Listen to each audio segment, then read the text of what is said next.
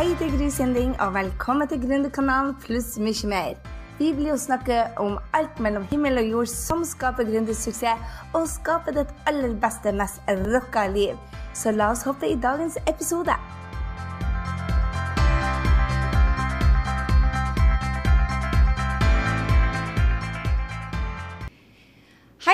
Gry her, og da velkommen til podkast nummer 63 av Gründerkanalen. Helt utrolig, vi har holdt på i over et år nå. Og i dag så har jeg en veldig spesiell gjest med meg, må jeg si. Det er han Henrik. Henrik Sinding er altså mannen min og partneren min i eh, Team Sinding. Og eh, han har fått masse spørsmål om Facebook-annonser, så det er det vi skal snakke om i dag. Velkommen, Henrik, til podkasten Gründerkanalen, som du har redigert så veldig mange ganger sjøl. Ja, tusen takk, Gry. Det er en ære, privilege, å få lov til å være med. Jeg har venta lenge på innbydelsen, så endelig er dagen her. ja, man må invitere seg sjøl her for å komme med. Du, um, du, er jo ansvarlig for alle de tekniske ting i, i Team Sinding, men også alt som har med Facebook-annonser i uh, våre uh, lanseringer for å bygge lister. Kan ikke du fortelle litt om hvor, hva du gjør hos oss, og, så folk vet litt mer hvem du er, for de som ikke har jobba med oss?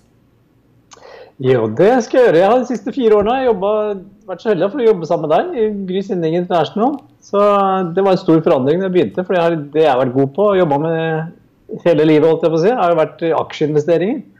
Så, men det er en tid for alt, så når denne muligheten åpna seg, så jeg var hoppe gjennom vinduet og bli med. Så det har vært kjempegøy. Og Facebook-annonser har jeg jobba veldig mye med de siste årene, og egentlig mer og mer. Og det er rett og slett fordi det er et genialt verktøy. Det er supergøy å holde på med, og det skaper ja, megaresultater når du lærer deg hvordan du skal bruke det riktig. Det, så, så det, det, er min oppfordring her til alle som hører på. Altså, invester litt tid til å lære dette her, for dette her er en unik mulighet. Så hvorfor skal de lære det? Hva er det som er så unikt med Facebook-annonser i forhold til f.eks. For Google-annonser eller annonser i aviser? Ja, vi skal si det på én eh, ting, så vil jeg si at det er relevansen. Altså eh, hvilket publikum du kan nå på en enkel måte som er relevant for det du holder på med. Det er der Facebook virkelig skiller seg ut og er enestående. Og det, ja, du, kan, du, kan, du har vel 2,5 millioner eller noe sånt som leser vg.no uh, hver dag. Uh, hva vet jeg. Men du kan putte en annonse på der, liksom. Men altså 99,99 ,99 av de som ser annonsen, vil ikke sannsynligvis være interessert i det du holder på med. Mens da i Facebook så kan du drille ned til en veldig veldig mye mer relevant uh, kundegruppe. Og, og, bare betale for det, de som er mer, mer relevante, enn som ikke tilfellet er på vg.no. Vi er, vi er superglade i Facebook-annonser, og det siste året har vi jo brukt mer og mer penger der. Og eh, Henrik, vi hadde nettopp en lansering hvor vi ja, jeg svetta jo på ryggen etter av alle pengene vi ga Facebook. Og de, de brukte jo hele, hele, kvoten min, for å si det sånn. Jeg kunne ikke kjøpe meg en genser en, en fordi at vi hadde brukt alt på Facebook-annonse. Så hvordan sjekka du at du får pengene dine igjen? Veldig godt eh, spørsmål, Gry. Jeg, skulle, jeg, elsker jo å lage regneark og så sjekke sånt. Så jeg skulle gjerne brukt mer tid på det, men jeg får ikke lov til å bruke så mye tid. Men det, det jeg kan fortelle, Streng sjef du har. ja, det er veldig streng. Så, men det jeg kan fortelle, det, som, det er noen enkle parametere som man kan måle på. Det, og det, Facebook blir mer og mer avansert og gir deg mer og mer informasjon som er relevant, så du faktisk kan måle om det lønner seg, det du holder på med. Så enkle svaret er at du skal gjerne ha mer penger inn enn det du bruker på å kjøre Facebook-annonsene. Det er jo leveregel nummer én. og det, Vi sikter mye høyere. Vi ønsker å få ja, gange opp, gang opp det antallet vi bruker uh, investerer i Facebook-annonser med en, et x antall mer i inntekt på andre, vei, andre siden. Jeg kan bare si noen korte eksempler på den lanseringen vi hadde. Nå, jeg skal ikke si eksakt hvor mye penger vi brukte, men det var et betydelig beløp. Og Snakker du da 10 000 eller 100 000 kroner? Ja, da er du 100 000-klassen. Så det er betydelige penger som går ut, med andre ord? Det er det. Og jeg kan jo si det også, det sa jeg ikke i stad, at jeg har holdt på med dette de siste årene. Og det har jo investert millionbeløp i, i Facebook-annonser. Og Det er ikke noe å angre på. Jeg skulle gjerne investert mer sånn i ettertid. Og typisk er det sånn også de andre typer kunder som jeg har jobbet med, og som snakker med, at det er veldig få som sier at å, jeg angrer på at jeg brukte så mye på, på, på Facebook-annonser på en lansering. Det var mer sånn jeg ser hvor bra det gikk, og skulle gjerne brukt mer. Nå sier jeg ikke at det nødvendigvis gjelder for alle, det er lite sånn uh, warning på det. Du må da også ha noen produkter selvfølgelig, og, og, og selge de i etterkant. Selv om eh, Det kan vi sikkert diskutere etterpå, men det, du bruker ikke Facebook til å selge direkte. Men for å få pengene tilbake, så, så må du på et eller annet tidspunkt gi dem mulighet til å kjøpe noe fra deg. Og Da må du selvfølgelig ha de programmene og ha de systemene satt opp, som du helt sikkert vil fortelle mer om, eh, Gry. Det er ditt hoved, hoveddomene.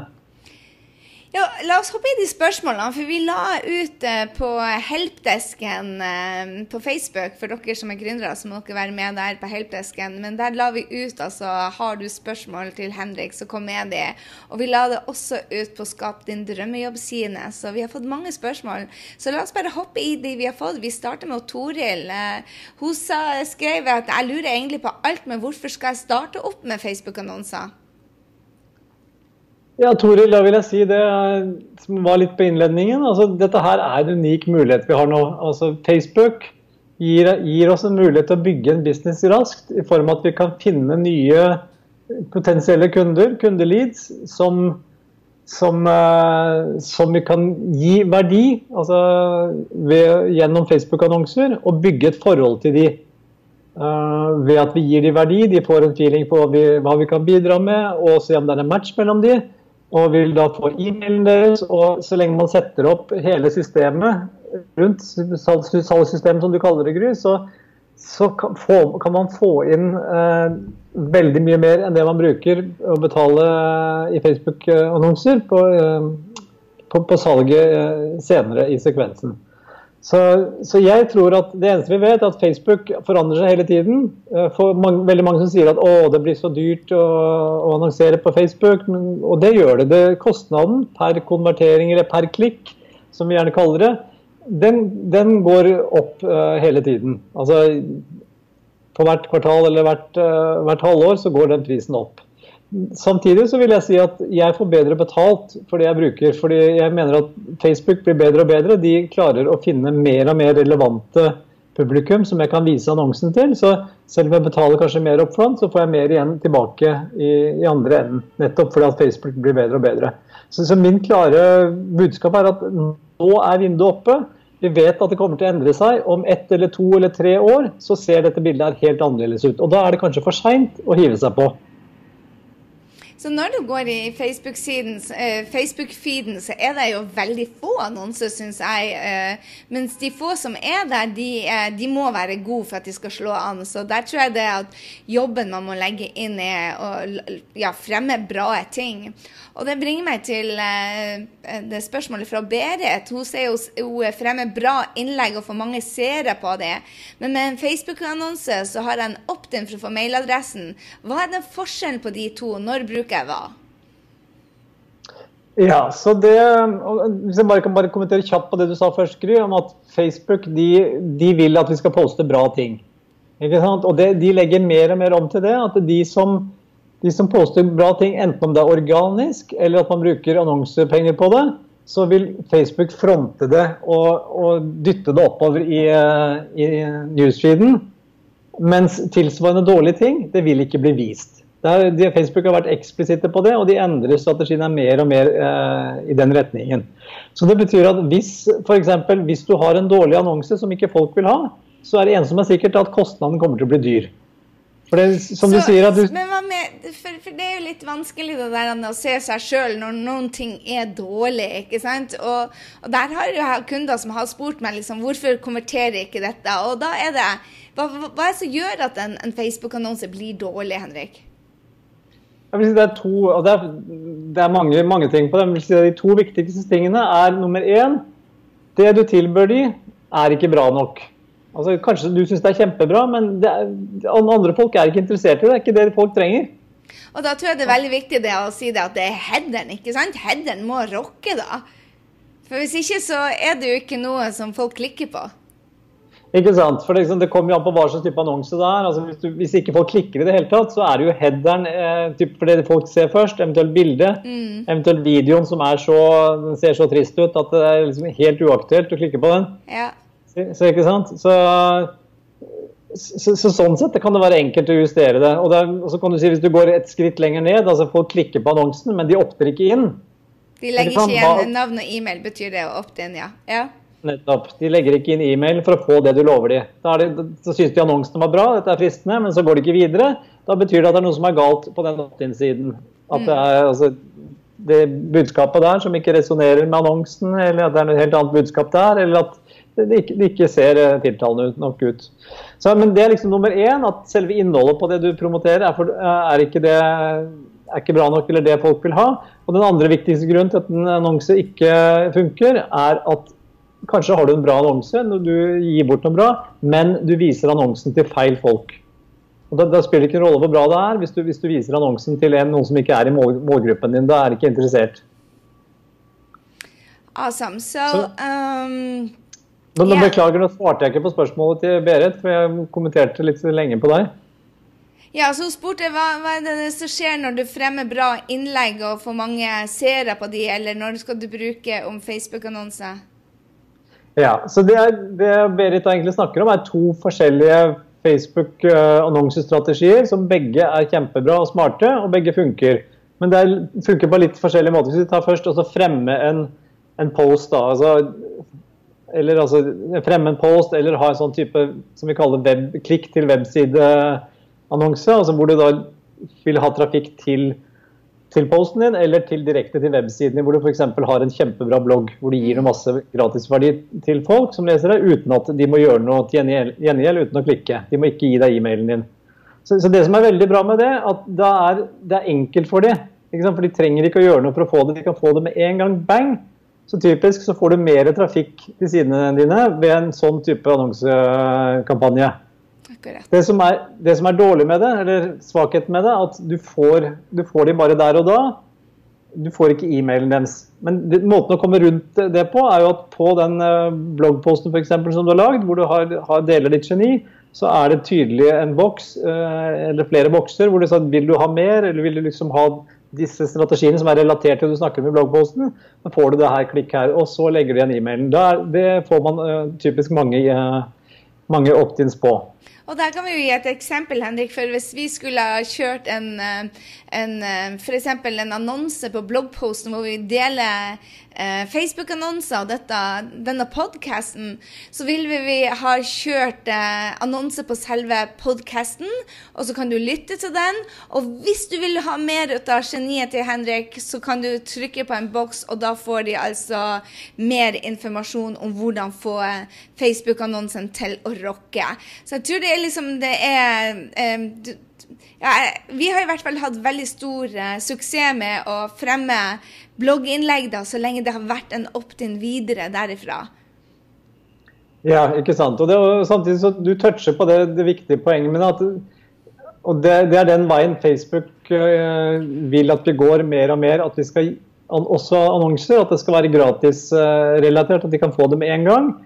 Fordi det Facebook gjør for oss da, er at de da bygger en database for oss med alle de som har besøkt akkurat den siden. Der kan du sette opp så mange sånne, det er såkalt eh, egendefinert publikum.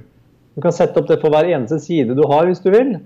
Nettopp for at du da, eh, og Det som er beautyen med det, at da kan du nummer én du kan lage en ny annonse for den opt-in-siden som du vil. Så da kan du sa de som ikke allerede har optet inn via den bloggposten, eh, de vil jeg skal se denne annonsen som går til den opt-in-siden. Mm. Og det, Da blir det en superrelevant uh, målgruppe som, som, gjør at uh, kostnaden på de uh, opt-inene på den annonsen blir veldig lav. Fordi veldig mange av de vil opt-in. Og, og, og, budsjettet for de blir ganske lite. Fordi at det er, altså det er et begrenset antall som du annonserer til. Du bruker kanskje mer penger på å promotere den bloggposten først. Og så trenger du ikke å bruke så mye penger for å få inn de siste opt-inene etterpå. Så, så, så, det er liksom den ene, det er den strategien, strategien, vi ser kommer mer og mer. At man gjør begge deler i tandem, og det kommer sannsynligvis til å bli viktigere framover. Samtidig vil jeg si at om du er nybegynner på dette her, så ikke har gjort noen særlige annonser, så start gjerne på, direkte med å lage en kjempekul opt-in. For det som er bra med det, er at da, da vet du at da, da, vet du at du begynner å bygge e-mail-lista di med en gang. Ikke sant? Så lenge du har en bra opt-in og kjører litt annonser på det, så, så, så, så vil du få opt-ins direkte. Så kan du heller gå andre veien i steg, steg to, eventuelt lage også en annonse på en bloggpost og sette det i system. Så Sindre spør hva er anbefalt dagsbudsjett for en nybegynner med følgesebygging? Er 50-100 kroner daglig i noen dager, er det mye eller er det lite, eller? Det er eh, Det syns jeg du er eh, ganske, ganske Du tenker riktig der, Sindre. Det, jeg vil si begynn så lavt som mulig i begynnelsen, og spesielt når du er nybegynner. Men faktisk, jeg, selv om jeg har en større kampanje, setter i gang det, så begynner jeg alltid veldig lavt. Det, altså, hvis du er nybegynner, så du, gjør du kanskje bare én annonsekampanje av gangen. Bare én type annonse og én type publikum du viser den til sånn i starten. For å lære typene jeg gjør det, så, så kjører jeg kanskje én kampanje, men under der så det, viser jeg den samme annonsen til kanskje 15-20 forskjellige publikummer. Jeg gjør det nettopp for å teste ut hva er det som funker best. altså i forhold til altså, Hvor får jeg flest uh, kliks eller flest uh, opt-ins, konverteringer, i forhold til det jeg bruker. Mm. Og, og, og, Måten å gjøre det på, da, så starte så lavt som mulig. Så start, Jeg er ikke helt sikker på hva det er laveste er i, i, i den norske kronen, for jeg bruker vanligvis dollar. så 3-5 dollar er det laveste du kan bruke på én annonse. Uh, sånn som dagsbudsjett. Så, men det betyr jo da 20-40 kroner. Så, så start, start, gjerne der på det lave, og så, og så kan du teste med litt forskjellig publikum du viser annonsen til. Og så ser du da, ser du da etter hvert hva som går går, går, best, kan du heller øke budsjettene på det. Men, men det viktige poenget er at du må, du må, starte med å teste det ut. Og mm. da er det lurt å teste med, med små beløp. Og det, det, gjør jeg også, selv om jeg har gjort dette her en stund. Så Anne, Anne sier det at, eh, og det gjelder jo penger det òg, så Anne sier at annonsen gikk kjempebra, og så økte budsjettet fra 50 kroner til 200 per dag. Og så dobla kostnaden på den fine annonsen. Hva skjedde? Ja, det er et kjempe Kjempeinteressant og vanlig spørsmål som jeg får. Og det, Forklaringen på dette her er at da må du tenke tilbake til hvordan Facebook jobber. og det, De sitter på en enorm database som de vet veldig mye om uh, to milliarder mennesker her globalt. Så, så det Facebook gjør når, de, når, vi kjører annonser, de vil at vi skal få flest mulig kliks, flest mulig uh, opt-in-konverteringer for hver krone vi bruker. Så det de gjør, at de har algoritmer, altså avanserte eh, matematiske beregninger som ligger der og kjører i bakgrunnen. Så det de, det de sier, er at da, vi trenger litt tid for å gå gjennom databasen. Skal du gå gjennom eh, to milliarder mennesker, så, så, trenger du litt tid. Og da ser, ser, Facebook ok, Sindre han sier jeg vil bruke 40 kroner dagen på å få klikk til denne siden. Da bruker Facebook to-tre dager før de har gått gjennom den algoritmen og på en måte finner ut hvordan de skal bruke de pengene mest fornuftig. Mm. Okay? Så det betyr at svaret på det er det betyr at Sett opp annonsen, bare sjekk at den funker, at det viser riktig annonse osv. At, den, at den ruller av gårde, får visninger, og eventuelt får noe opt-ins hvis det er en konverteringsannonse. Eh, Men ikke gjør noe endring med annonsen før det har gått minimum to til tre dager. Hvorfor skal du da Er det bare for å finne, for å finne hvem den skal vises til, som faktisk tar så lang tid? Ja, det er det. Altså, fordi Facebook hele tiden ser liksom, hvem er det som er mest likely å, å, klikke på den. Hvem er mest likely til å gi tilbake e-mailen. Og så har du en sånn såkalt uh, pixel, som er din unike pixel, som, som går i bakgrunnen der som for hver gang en person faktisk går inn og klikker eller legger e-mailen, så legges den til hele algoritmeberegningen. Sånn, en, slags, en slags kunstig intelligens. ikke sant? Så mm. når de ser ok, uh, Guro klikka på den, likte den. Hvem er det av Guros venner som, er, som ligner? Ikke sant? Så, så, er det sånn som det gjøres uh, over veldig mange folk. Men hvorfor dobla den seg da når hun økte? Når hun sa det, ok, nå hadde jeg venta den to til tre dager, og så dobla kostnaden seg? Jeg vet ikke om hun hadde Sa hun at hun hadde ventet to til tre dager? Ja, La oss si at du hadde venta til to til tre dager, så gikk hun fra 50 kroner til 200. Ja, nettopp. Så, så det, det, er et godt poeng. Så, så hvis du har venta etter to til tre dager, hvordan øker du budsjettet? Det du gjør, at du øker det i, i steg. Ikke for, tar du for mye økninger av gangen, så vil igjen vil den algoritmen som ligger i, eh, i bunnen her, vil, vil forstyrres. Så da vil det, ok, Hvis du tredobler beløpet, så vil plutselig Facebook tenke oi, nå er det veldig mange flere må vise til, så da vil de egentlig bare hive annonsen ut til veldig mange folk uten at den algoritmen får jobba seg ordentlig gjennom. Så, så, løsningen på det er, når du har latt den jobbe to-tre dager, så ser du på hvilke annonser er det som går best. Ok, Det beste øker du budsjettet på, type 50% røftlig. Si 50-70 og så gjør du det tilsvarende, skalerer ned eller pauser de annonsene som ikke går bra. Mm. Sånn er det du manage, altså styrer uh, annonsene sånn løpende. Og, for du vil allokere mest penger selvfølgelig på de annonsene hvor du får mest tilbake. Så, men så, gjør det i, i, steg. Så Lone spør da, Er det best å konsentrere seg om å definere alder på drømmekunden fremfor botsted i annonsen når man skal satse på online-kurs? Den tror jeg nesten du kan svare på. Ikke? Ja, jeg kan jo egentlig det. du som er god på online-kurs, mener jeg. Ja, eh, Lone, først og fremst så spiller det jo ingen rolle hvor folk er henne på online-kurs. Jeg tror jobben ligger i å definere drømmekunden der, og at du gir dem noe som de vil ha først. Fordi at, uh, som Henrik sa i sted, så, så, vil ikke Facebook at du skal uh, selge online-kurset direkte på Facebook. De vil at du skal gi noe gratis først, sånn at du bygger lister. Og da er din jobb å bygge e-mail, altså en tillitsforhold til dem, før du begynner å, å, å selge, for å si det sånn. Så, eh, og når vi kjører de, eh, Henrik, de eh, online-kursene våre, så gir vi jo bort deler av kurset gratis for å få folk til å si vet du, dette har så mye verdi.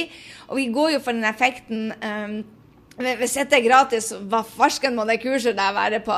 Så, så, jeg tror det er utrolig viktig det, Lone, at du, du, gir noe gratis først, og så kjører du heller annonser mot de som, som eh, har fortært alt det du har gitt dem.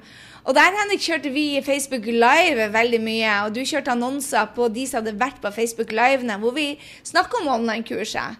Og det er jo en måte å drille ned på de som er skikkelig varme og klar for å, å, ta action i forhold til de som da ikke helt vet hva dette dreier seg om, eller helt vet hvem du er engang. Ja, ikke sant. Og jeg opp, hvis jeg oppfatter spørsmålet til Lone riktig der, så er det liksom hvordan finne de relevante drømmekundene som du vil vise annonsen til. og og der, der, er Facebook rett og slett helt genialt. De kommer hele tiden med nye ting. og Sånn som med Facebook Live, som du snakker om, og video generelt. Det kom de med nå nylig, nå i sommer. En funksjonalitet hvor du da du kan gå inn rett etter at du har uh, posta videoen eller kjørt Facebook Live, så kan du lage sånne såkalte custom audience, eller egendefinert publikum, som, som det kalles på norsk hvor du bygger publikumsdatabaser av de som har vært inne og sett på videoen din. Mm. Altså, og ikke nok med det, du kan velge å segmentere. Lag en database for de som har sett minst 50% av videoen. Eller 25, eller 75. Ikke sant? Eller hele videoen.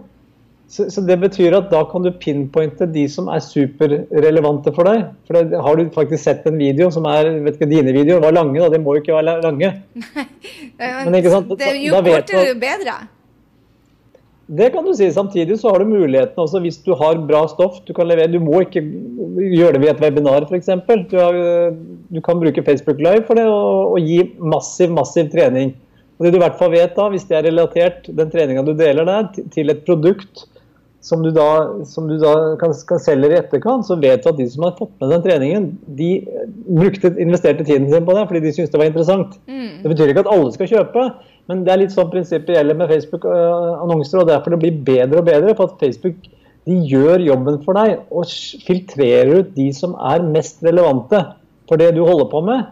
Som gjør at du kan bruke dette verktøyet her, hvis du følger systemet og gjør det på riktig måte. som som du snakker om, Gry, med å gi verdi, verdi, verdi, og følge det opp etterkant via e-mailer og bygge e-mail-listen, så er det en, kjempe, en, fantastisk mulighet til å, å, å bygge businessen din eh, på en rask og økonomisk veldig fordelaktig måte. Mm. Så um, Tone spør hvordan velger man egentlig riktig uh, målgruppe? Ja, det var et litt generelt spørsmål, så jeg er ikke helt sikker på hvordan jeg skal svare på det. det hvis, hvis, vi tar da, hvis, vi tar da, og, og For drømmekunden, la meg For drømmekunden, ikke sant, så hvordan velger du hvilken drømmekunde du skal vise til deg? Og Facebook har du forklart meg skillet mellom varmt og kaldt publikum. Så kan du si litt om det, hvordan du Når du velger varmt publikum, som da er f.eks. på like-sidene dine, eller har vært på websida di, eller har vært på e-mail-siden din, altså e-mail-lista di. Når de bruker du varmt publikum, og når de bruker du kaldt publikum, som da er helt nye folk som ikke har sett deg? Mm. Det For å svare på det, så jeg bruker begge deler. Og begge delene er like viktig når jeg skal velge én av dem, så vil jeg si at faktisk at kaldt publikum er viktigst. Men la meg først forklare hva jeg mener med det. Altså, varmt publikum er rett og slett de som kjenner deg på en eller annen måte. Typisk er det, og en Blant de beste varme publikummene er de du har på e-mail-listen din. fordi De syns det du deler og sender e-mailer med er så bra at de vil faktisk ha deg inn i innboksen på regelmessig basis. Ikke sant? Der, syretesten er jo liker ikke det du sender ut, så, så får du mange, mange unsubscribes veldig lett. Så så eh, E-mail-listen din, en annen veldig god varmt publikum, er de som besøker nettsidene dine. Ikke sant? Ja. De kan du, igjen, de kan du, og E-mail-listen kan du laste opp veldig enkelt i Facebook, sånn at du kan vise annonser direkte til de. Det samme da på, på de som besøker sidene dine. Kan du, eh, kan du targete på annonsene i Facebook. Eh, en tredje er de som har likt Facebook-siden din, en type varmt publikum de som har sett videoene dine, Facebook Live-sendingene dine, er varmt publikum. Alle disse her er superbra. Så kan man si liksom, Hvis du selger noen produkter, så kanskje mange av de er kunder allerede. Ja, det, mange av de er det, men veldig mange av de trenger tid. Altså, de, som du sa, De trenger at du bygger relasjonen til dem over tid. Gir de verdi, verdi, verdi. Og, og, og da, vil, da vil de måtte konvertere på et eller annet tidspunkt, mange av de. Og mange av de gjør det ikke, men de er samtidig de er viktige. De er dine, som du sier, de er dine viktige 95% markedsførere. Ja, og med det så mener jeg at de, de, er de som liker tingene dine, deler tingene dine, og selv om de kanskje ikke kjøper ut av deg, så er de en, en takknemlig gjeng som, som uh, hjelper deg å spre ting. Og du må jo ha folk til å like og kommentere og spre ting, uh, selv om de ikke er kundene dine. For hvis ikke så blir det veldig veldig dyrt hvis du skal betale for alt. Så det er jo det vi kaller for organic reach. Ja, nettopp. Og så kan du si at varmt publikum kjempebra. så Vi vil holde de varme og gjøre de enda varmere. Ikke sant? Som når vi hadde skapt en drømmejobb 2.0-lansering nå, nettopp, så brukte masse penger på å vise annonser til, til disse, selv om de er på e-mail-listen. Ikke sant? Vil, vi vil ha de inn på webinar, vi vil gi de verdi. Uh, og, og, så er det noen av de som, som vil konvertere og, og kjøpe produkter. Og det, det er kjempebra. Og der spør Anniken, for å, for å, putte inn det spørsmålet For Anniken spør hun har skjønt at retarging er smart. Er, hvordan gjøres det? Og, og, når er det vi har brukt det? Ja, så det Retargeting kan du gjøre på en, flere fiffige strategier du kan bruke der. Kan ta, altså et konkret eksempel. Altså, hvis du har, kjører en annonse på en, eh, på en opt-in-side og så er det 1000 stykker som, eh, som, ser, som klikker inn til eh, opt-in-sidene. Eller 100 stykker har klikket inn, det er et enklere tall. Og så er det 40, si 30% av de har, har optet inn. Så da er, det, da er, det, 30 som har optet inn, så er det 70 som ikke har optet inn. Og så er det, Hvorfor har ikke de optet inn? Eh, jo, noen av de likte ikke det. Og det er helt greit. Men mm. jeg vet, jeg kan love deg at veldig mange de satt på bussen, de sto i køen på, på rim i kassa. Og det passa ikke da liksom stå på mobilen. Og husk at 80% av folkene som ser tingene dine, eh, annonsene dine, de, de, er på mobilen. Det er ikke de sitter i ro og fred i sofakroken. Ikke sant? Så de passet ikke å, å legge inn og ta, knote inn med e-mail og sånn der på mobilen. Men det du gjør da, du lager bare da en, et publikum av de som har vært og sett på, sett på den siden.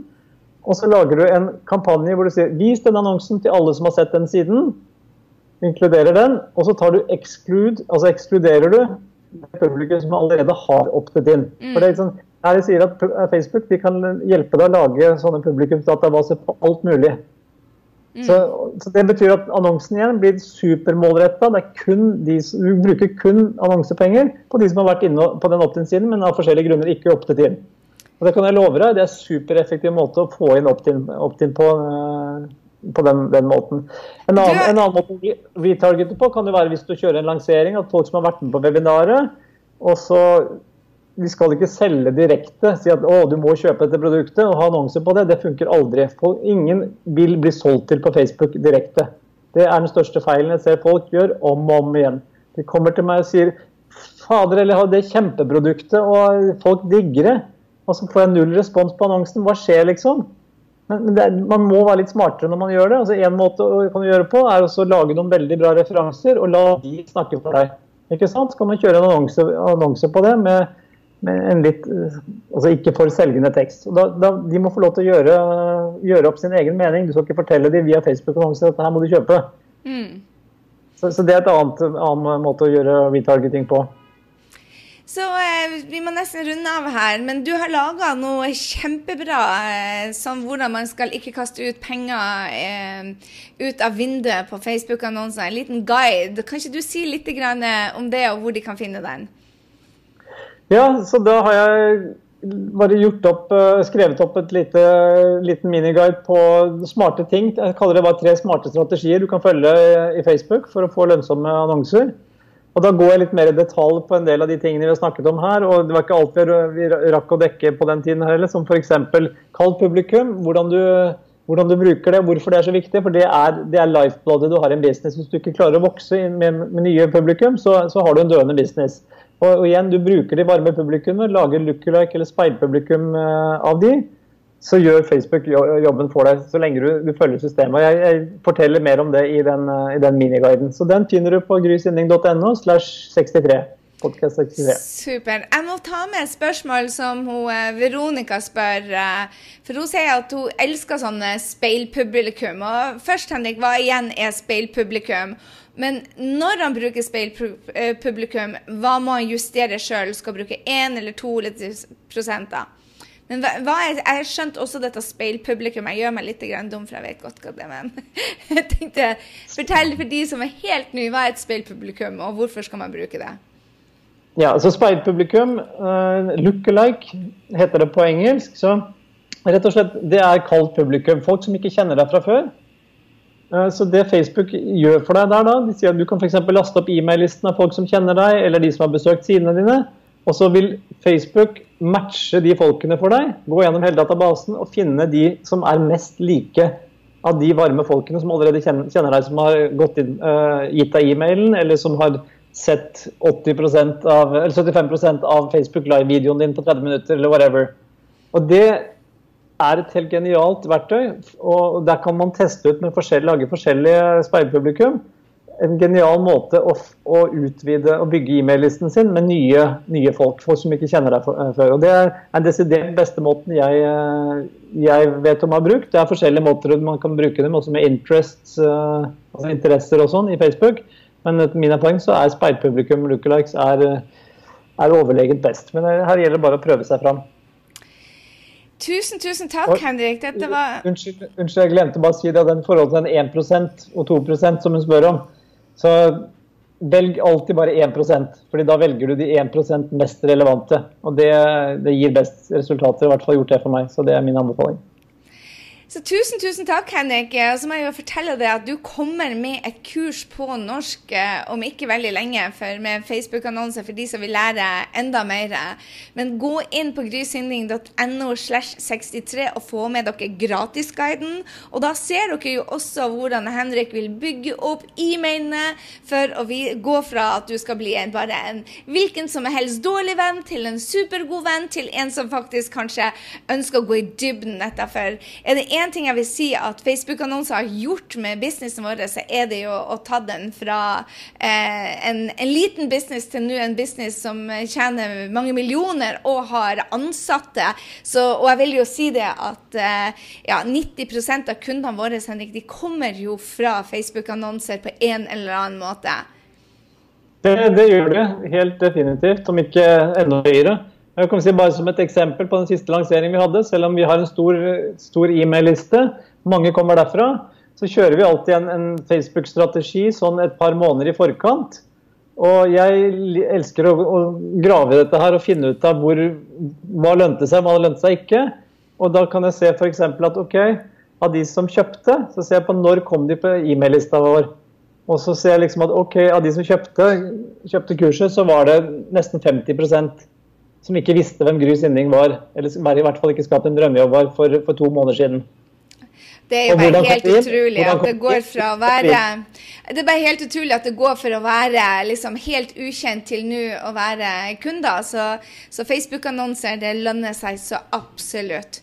Tusen hjertelig takk, Henrik, for du var og delte. Og ikke glem å gå inn og eh, laste ned Henrik sin guide, hvordan du får eh, fantastiske Facebook-annonser til å faktisk tjene penger.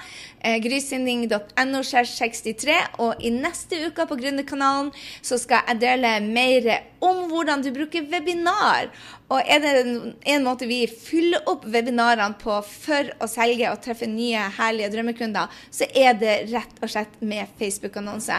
Så eh, i riktig tid vil jeg si at denne podkasten kom om hvordan bruke Facebook-annonse. Og i neste uke altså skal vi snakke om webinar. Ha en strålende, strålende uke så lenge, og så høres vi i neste uke. Hei så lenge. Tusen takk for at vi fikk være med. hei, hei, Henrik.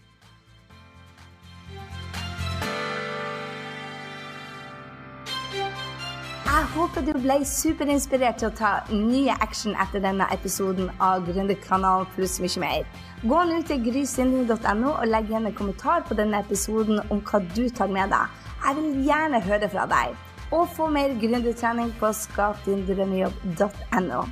Glem heller ikke å abonnere, sånn at vi treffes neste gang på Gründerkanalen pluss mye mer. Ha en fantastisk dag, så høres vi.